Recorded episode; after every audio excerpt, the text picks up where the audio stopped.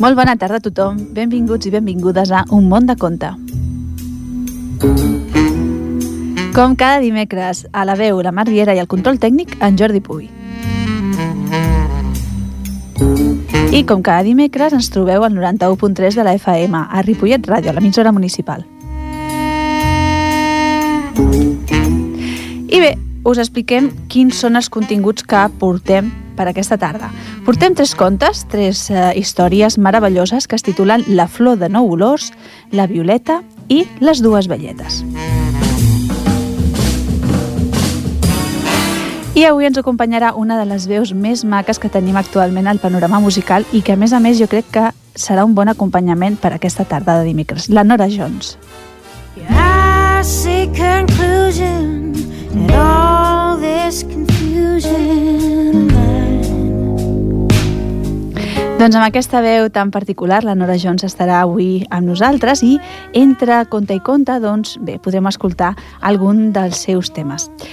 Abans de començar, m'agradaria doncs, parlar d'alguns dels eh, personatges que surten a les històries. I és que avui us he dit que portem un conte que es titula Les dues velletes. I les velletes doncs, són també un dels personatges que acostumen a sortir als contes eh, infantils, a les rondalles, a les històries meravelloses que us portem aquí a l'Un món de conte. En realitat, les velletes són personatges bons, són benevolents i, el que dèiem, apareixen molt sovint en les nostres rondalles fan el paper que en altres cultures s'atribueix a les fades, és a dir, instrueixen, adverteixen i aconsellen als herois i heroïnes què fer i com fer-ho, on anar i quin camí prendre, quins llocs evitar i com resoldre determinats conflictes. La seva ajuda depèn de l'actitud de l'heroi o l'heroïna. Si mostra respecte i agraïment i si confia en ella i l'escolta i aprèn de tot el que la velleta hagi de dir-la, doncs bé, se'n sortirà. I, si, I així s'estalviarà molts mals de caps, aconseguirà el seu objectiu sense haver de tornar a començar i no patirà cap encanteri. Però si fa el contrari, doncs tot seran desgràcies i el nostre protagonista doncs, no ho tindrà gens fàcil. Aquestes velletes doncs, sovint parlen en vers i representen i escenifiquen restes d'antigues cerimònies de culte a la terra, a la fertilitat i a la vida. I el més important, són coneixedores dels seus secrets i mitjanceres dels seus dons.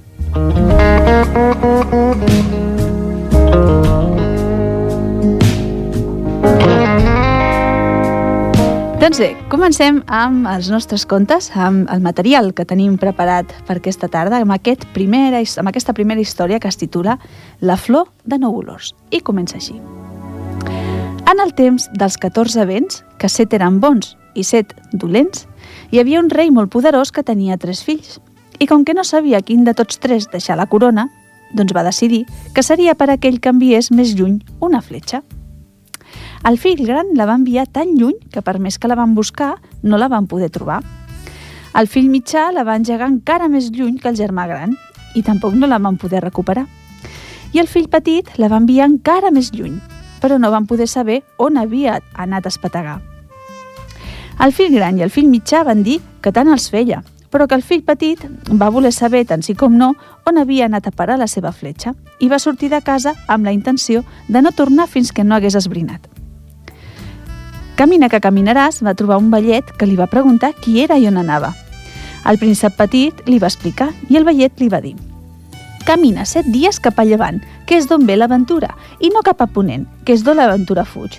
Al cap de set dies trobaràs una paret de pedra viva tan alta que gairebé topa amb el sol. Enfila-t'hi, i quan ja faràs set hores que t'enfiles paret amunt, trobaràs la teva fletxa clavada a la pedra. Arranca-la i llavors se t'obrirà una porta i estaràs salvat. El príncep petit es va posar a caminar i després de caminar set dies i set nits, cap al llevant, sense aturar-se per res, va trobar la paret. De tan amunt com era la fletxa, de terra estant ni tan sols la veia. Arrapant-s'hi com un gat, es va enfilar per la paret fins que la va trobar, la va arrencar i se li va obrir allà mateix una gran portalada. Rere la porta s'estenia un camí que el va conduir a una font d'aigua daurada. Mentre el príncep la contemplava, va sortir de la font una donzella, i li va dir que era la serventa d'una princesa encantada. La seva senyora no tornaria a ser princesa fins que un jove prou agosserat i eixerit li portés la flor de nou olors. El príncep va dir que buscaria aquella flor fins que la trobés i la portaria a la princesa perquè es desencantés. Camina, que caminaràs, cansat de tant caminar sense saber gens on anar, es va aturar a descansar sota un arbre. De sobte, va sentir que l'arbre li deia «La flor que tu busques creix al jardí del gegant que té encantada la princesa. Ell et posarà tota mena d'entrebancs, però tu no defalleixis, perquè si no defalleixes, trobaràs la flor de nou olors i desencantaràs la princesa. Camina cap al llevant, que és d'on ve l'aventura, i trobaràs les muntanyes blaves.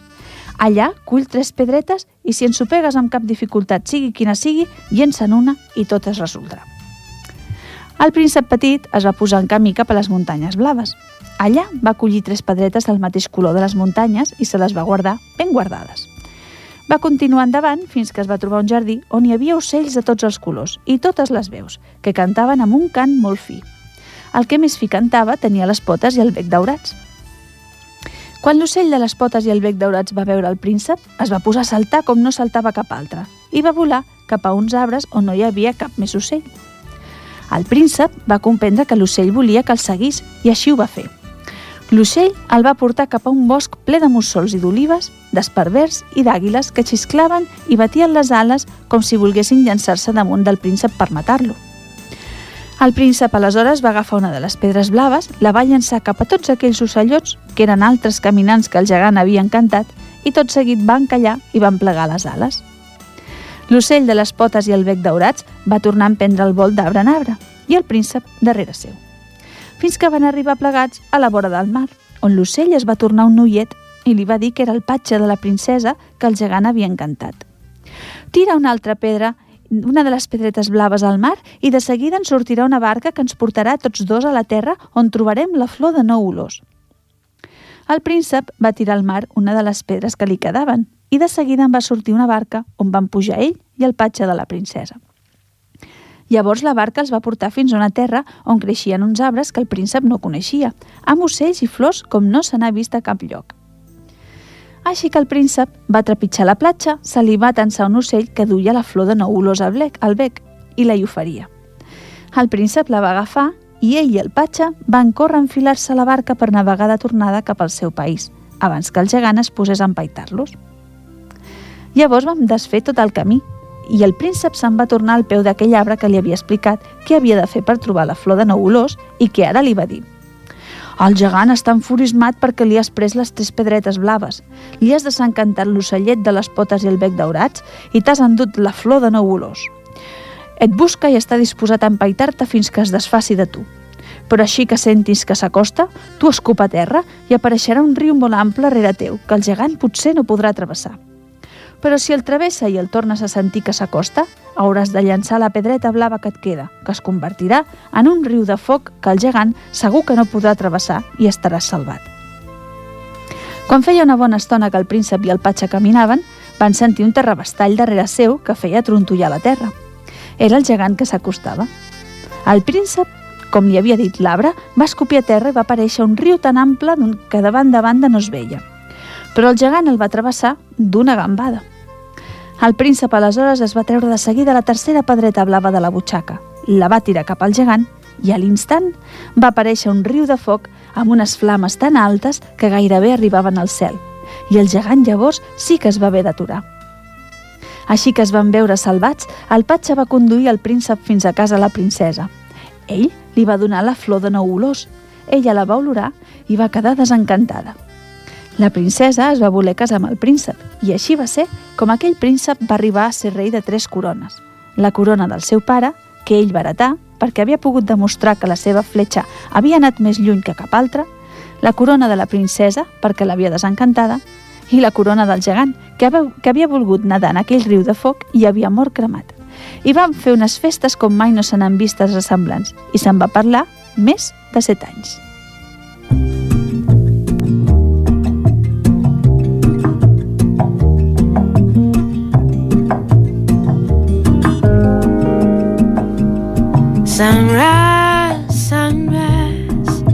Like morning in your eyes, but the clock's held 9:15 for hours.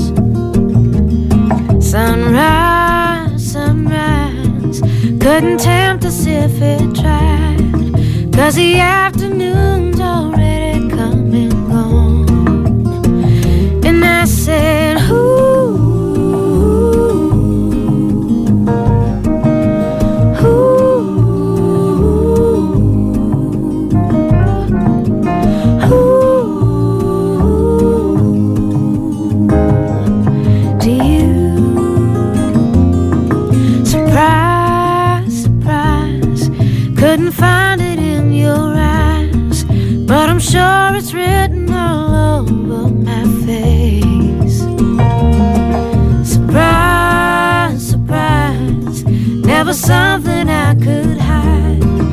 When I see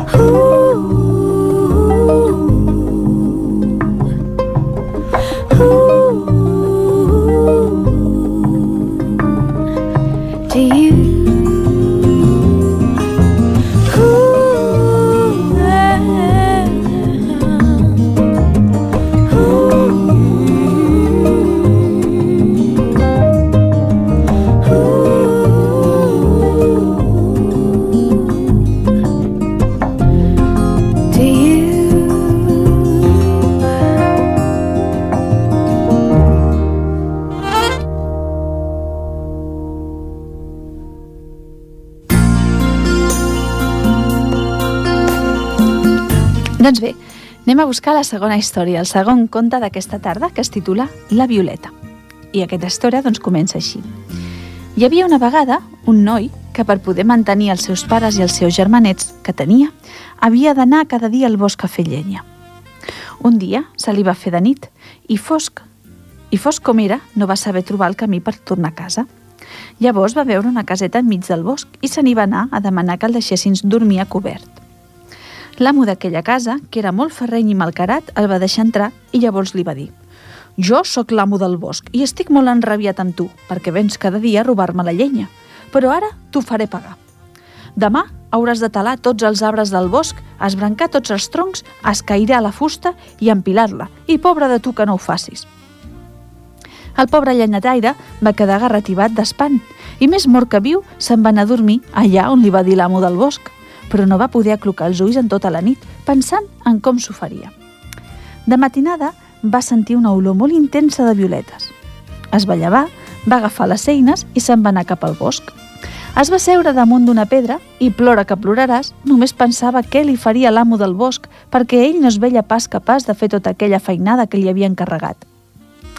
I com més hi pensava i més estona passava allà assegut, més olor de violeta sentia, fins que se li va presentar una noia molt polida que li va dir «Soc la Violeta, la filla de l'amo del bosc, i vinc a dir-te que no t'espantis, que jo faré tota la feina que el meu pare t'ha manat». Llavors, d'un cistell que portava, em va treure tot de menjar que n'hi havia prou per esmorzar, per dinar i per berenar. Quan va ser l'hora de tornar a casa, es va treure de la butxaca un canonet d'agulles de cosir i així que el va destapar em va sortir tota una munió d'homenets menuts menuts, tan menuts que gairebé no es veien, que a grans crits demanaven feina. A l'instant, tots els arbres van ser talats, com si es talessin sols. Els troncs van quedar esbrancats, la fusta escairada i apilada, i el llenyataire es va trobar amb tota la feina feta sense haver de donar ni un cop de destral. Quan va tornar a la casa, va trobar l'amo del bosc tot furiós, perquè tot i que semblava impossible, el noi havia fet el que li havia manat. Llavors li va dir a crits «Avui te n'has sortit, però ja veurem si te'n surts demà. Vull que separis la pedra de la terra d'aquestes muntanyes que hi ha al voltant del bosc, i pobre de tu que no ho facis». Si el primer dia el llenyataire s'havia espantat, més es va espantar el segon. Se'n va anar a dormir sense sopar i rumiava com s'ho faria per fer aquella feina impossible. L'endemà també el va despertar de l'olor de violetes de matinada. Es va llevar, se'n va anar cap a la muntanya, es va seure damunt d'una pedra i plora que ploraràs. També aquell dia va tornar a trobar la Violeta. I com que el dia abans la noia li va dir que no s'amoïnés, que ella s'ocuparia de tots els seus treballs, doncs encara es va amoïnar més. Menys, va menjar, van menjar plegats i quan s'acostava la fosca, la noia es va treure de la butxaca el canonet d'agulles de cosir. El va destapar i tota aquella munió d'homenets tan menuts, tan menuts que gairebé no es veien, es van posar a separar la terra de la pedra de totes aquelles muntanyes que envoltaven el bosc, apilant tota la pedra a un costat i tota la terra a l'altre, fins que va quedar tot ben destriat. Quan el llenyataire va tornar a casa, va trobar l'amo del bosc que treia foc pels queixals. Has fet tot el que t'he manat, però no et servirà de res si no fas el que ara et diré. Tinc una mula que mai ningú ha pogut amansir. Si demà no la domines, la meva dona farà de tu un estofat i ens serviràs de sopar.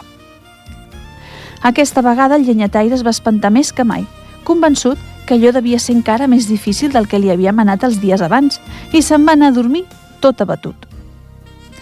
Però abans de dormir-se va sentir la Violeta que li deia «La mula que diu el meu pare és ell mateix. L'albarda serà la meva mare i jo seré les morralles. El que has de fer és ventar garrotades i més garrotades a les anques i a l'albarda fins que deixis la mula morta. Però no toquis les morralles perquè em tocaries a mi. Quan el meu pare i la meva mare siguin morts, tu i jo ens podrem casar i viure tranquils i feliços. El llenyataire no se'n sabia venir que l'amo del bosc es pogués convertir en una mula i la seva dona en albarda, ni tampoc que la Violeta es transformés en unes morralles.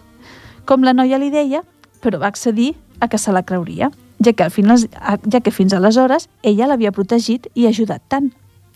L'endemà va sortir a fora i va veure la mula tota esbarada, que llançava guitzes a tort i a dret. I no hi havia qui s'hi acostés, ni de lluny ni de la vora.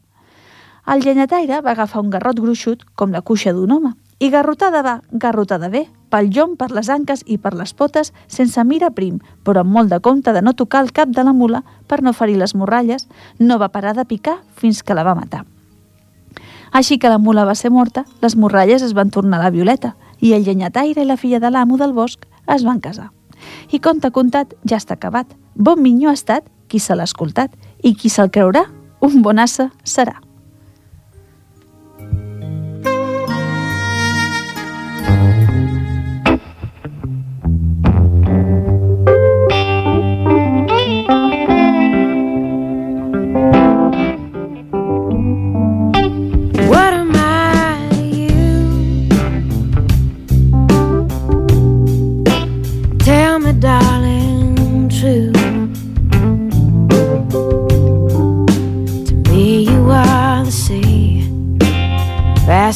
Can be, deep the shade of blue.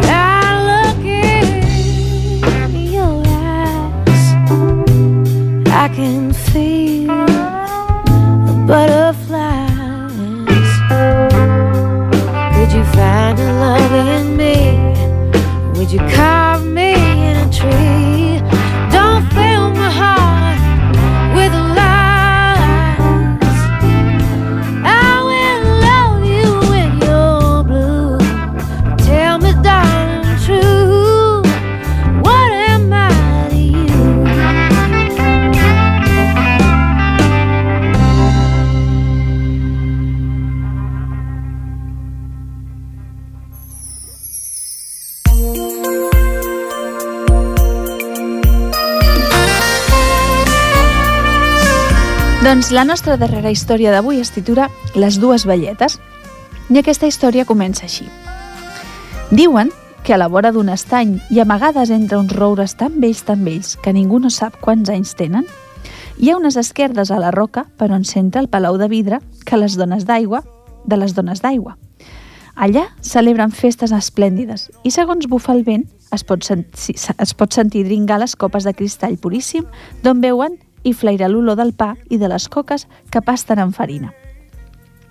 Només les nits de lluna plena, les dones d'aigua surten del seu palau per fer la bugada, filar el lli i teixir amb fils d'or en un taler de cristall, o per jugar i ballar balls rodons. Un bon dia, una velleta que tornava cap a casa es va trobar que quan era a prop de l'estany se li va fer de nit. Com més s'hi acostava, més claror veia, i de lluny estant ja sentia els cops dels picadors – de seguida va sospitar que eren les dones d'aigua de l'estany que feien la bugada. Es va desviar del camí i, amagada entre la bardissa i les pedres, va veure les dones d'aigua que teixien, rentaven i estenien la roba blanquíssima sota la claror de la lluna, sobre l'herba dels prats i damunt de les roques. La velleta, tremorosa, va voler girar cua, no fos cas que les dones d'aigua es pensessin que els volia prendre alguna peça de roba, que deien que portava tanta fortuna, perquè aquells que enxampaven estirant-los, ni que fos un mocador, es deixaven encantats o els feien venir grans mals. Prou que havia sentit explicar a la velleta la història d'aquell coix que els havia robat una còfia posant pega al seu bastó, mentre les distreia i les feia riure.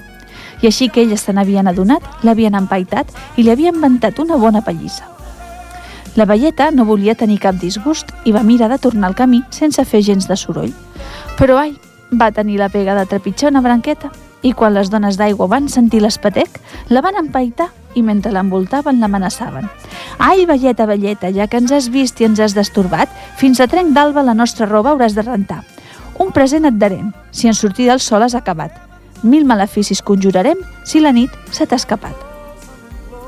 La velleta, tota espantada, es va posar a rentar la roba Renta que rentaràs al cap d'una bona estona i abans no es fes clar, ja l'havia rentada tota. Quan les dones d'aigua ho van veure i mentre la velleta s'aixugava les mans, li van dir «Aquí tens una bossa amb un present, però no miris que hi ha dins abans no arribis a casa». La velleta així ho va fer. En arribar a casa, va obrir la bossa, la bossa i va veure que era plen, plena de pols d'or.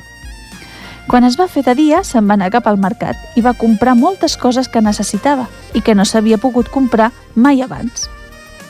La dona tenia una veïna que era tan velleta com ella. Quan la veïna va veure el munt de coses que l'altra comprava, va voler saber, tant sí com no, d'on li venia aquella fortuna. Tant i tant va insistir que la velleta no se'n va poder estar i li va explicar tot. La veïna va decidir anar a trobar les dones d'aigua aquella mateixa nit. Se'n va anar Se'n va tornar a casa i rumia que rumiaràs tot era pensant el munt de coses que es compraria i que faria amb tot aquell or. Les hores no li passaven i només esperava que fos de nit per anar a l'estany. Quan el sol es va amagar i ben amagat, la dona va sortir de casa i així que va arribar a l'estany es va posar a resseguir-ne la vora per mirar de trobar aquelles dones d'aigua que tant d'or regalava. I caminant, caminant, al final les va trobar. Llavors, i gairebé sense dissimular gens ni mica, va fer força soroll perquè les dones d'aigua la sentissin i així la descobrissin. I elles de seguida la van envoltar, com havien fet la nit abans amb l'altra velleta, i li van dir «Ai, velleta, velleta, ja que ens has vist i ens has destorbat, fins a trenc d'alba la nostra roba hauràs de rentar. Un present et darem si en sortir el sol has acabat. Mil maleficis conjurarem si la nit se t'ha escapat». I ella, ella la mar de contenta, es va remengar i es va posar a rentar la roba amb tantes ganes que va acabar prou d'hora. Les dones d'aigua, satisfetes, li van fer el mateix obsequi i el mateix advertiment. Aquí tens una bossa amb un present, però no miris que hi ha dins abans no arribis a casa. La dona va anar cap a casa tan de pressa com les cames podien portar-la. Però encara no era mig camí que ja no se'n podia, no se podia estar més de veure aquell munt d'or que hi devia haver a la bossa. Es va aturar a prop d'una font, va fer un glob d'aigua, es va seure al padrís i es va abocar la falda que hi havia a la bossa. Quina sorpresa va tenir la velleta quan va veure que a la bossa només hi havia cèrgol. Llavors va agafar una enrabiada tan gran que es va posar dreta, es va, es va expulsar el cèrgol del davantall i va llançar la bossa ben lluny, entre les mates del bosc. Però si Aliafon havia tingut un desengany, encara va tenir un disgust més gran quan va arribar a casa. Així que va entrar, tothom que hi havia va quedar meravellat. La faldilla que duia era ben plena de pols d'or que brillaven en la llum del foc. Ai, la dona, quins planys! Després de recollir tanta pols com va poder, se'n va tornar a córrer cuita al bosc, però no hi va trobar gens d'or, perquè el vent l'havia fet volar tot. I així va ser com aquella velleta va tornar a casa igual de pobra, i aquella font on s'havia expulsat el sègol de les faldilles li van començar a dir la font de l'or. I catacric, catacrac, el conte s'ha acabat, i tururut, tururut, la gallina ha vingut i se l'han portat.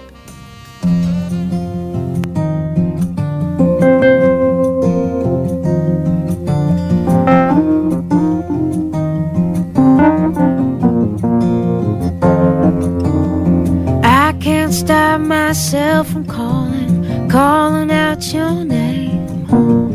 I can't stop myself from falling, falling back again in the morning. Baby, in the afternoon.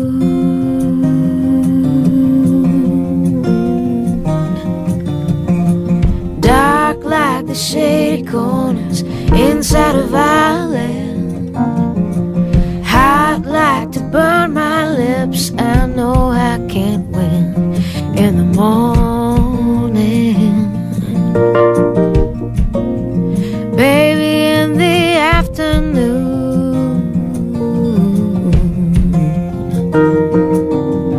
I tried to quit you, but I'm too weak. Waking up without you, I can hardly speak at all.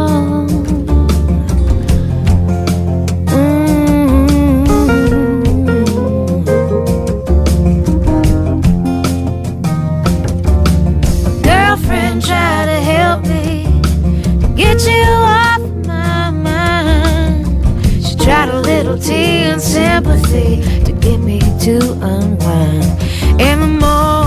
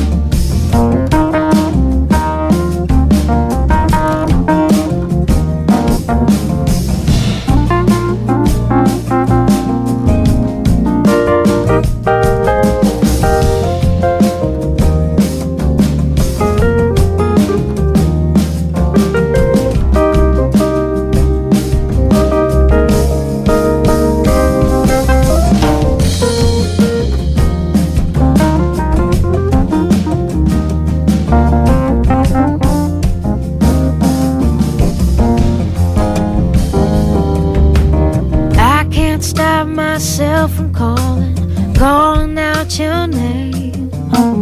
I can't stop myself from falling, falling back again, falling back again, again, falling back again, falling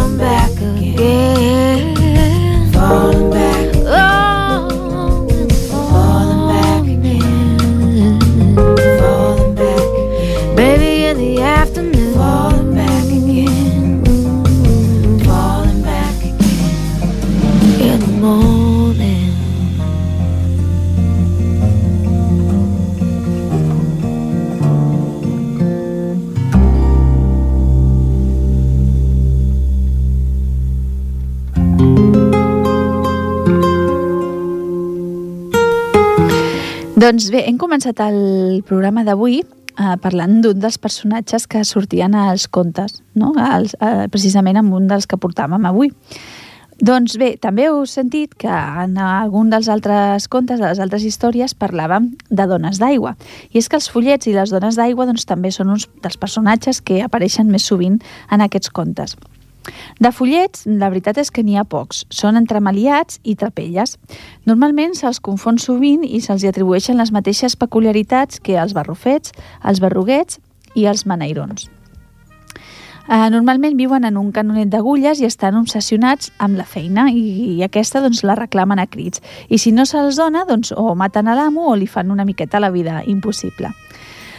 Amb el temps i amb l'arribada del cristianisme doncs van ser reciclats a dimoniets i si fa o no fa es comporten com ells o si s'escau doncs també se'ls fa aparèixer com angelets. Les dones d'aigua, que també doncs, ha sortit a, en el conte, en el darrer conte que hem explicat, doncs elles viuen als estanys i als gorgs. Normalment són burletes i rialleres i tenen una relació estranya i sovint contradictòria amb les persones, és a dir, que tant poden omplir-les de riqueses, com hem pogut veure, no? doncs que regalaven aquest sarc de pols d'or a, la, a la velleta, o bé fer-los la vida impossible, com han fet amb la segona velleta que no va seguir les seves indicacions i va obrir el sac abans d'arribar a casa. Les dones d'aigua doncs, viuen en palaus de vidre i en aquests palaus doncs, es pot accedir a través de coves i escletxes de les roques. A la nit, doncs què fan? Com feien al conte, fan la bugada, eh, sobretot quan són nits de lluna plena. I com que són considerades també les antigues divinitats de la llar, és a dir, la dona que fila a peu de porta, doncs també filen i teixen quan no estan de festa. Doncs en realitat aquests, aquestes són criatures misterioses de la terra i, i de l'aigua, és a dir, les, les dones d'aigua doncs el que fan són això, representar l'aigua, un dels aspectes de la natura, i els follets doncs, moltes vegades representen la terra. Els herois i les heroïnes dels contes o els personatges principals dels contes doncs, normalment es troben amb aquests eh, personatges i a partir d'aquí doncs, comença la història o bé entren al seu palau, a la caseta i començarà de veritat l'aventura la, que serà la topada doncs, o, o bé amb les dones d'aigua o amb els follets. I bé, doncs amb aquesta petita explicació acabem el programa d'avui. Avui hem anat molt ràpid i hem acabat amb els contes ben aviat. Us deixem amb una darrera cançó de la Nora Jones i esperem doncs, que ens tornem a trobar el primer dimecres. Una abraçada. I see conclusion in all this confusion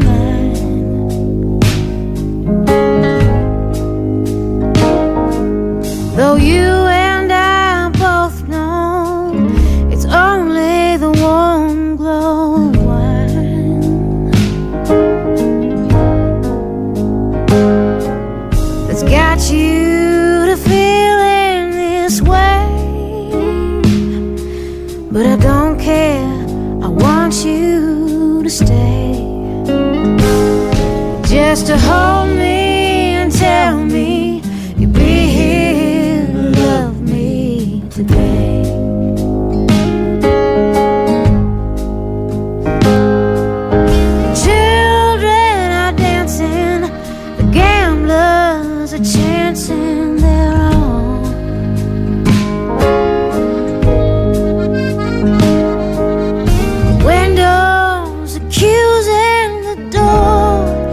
of abusing the wall.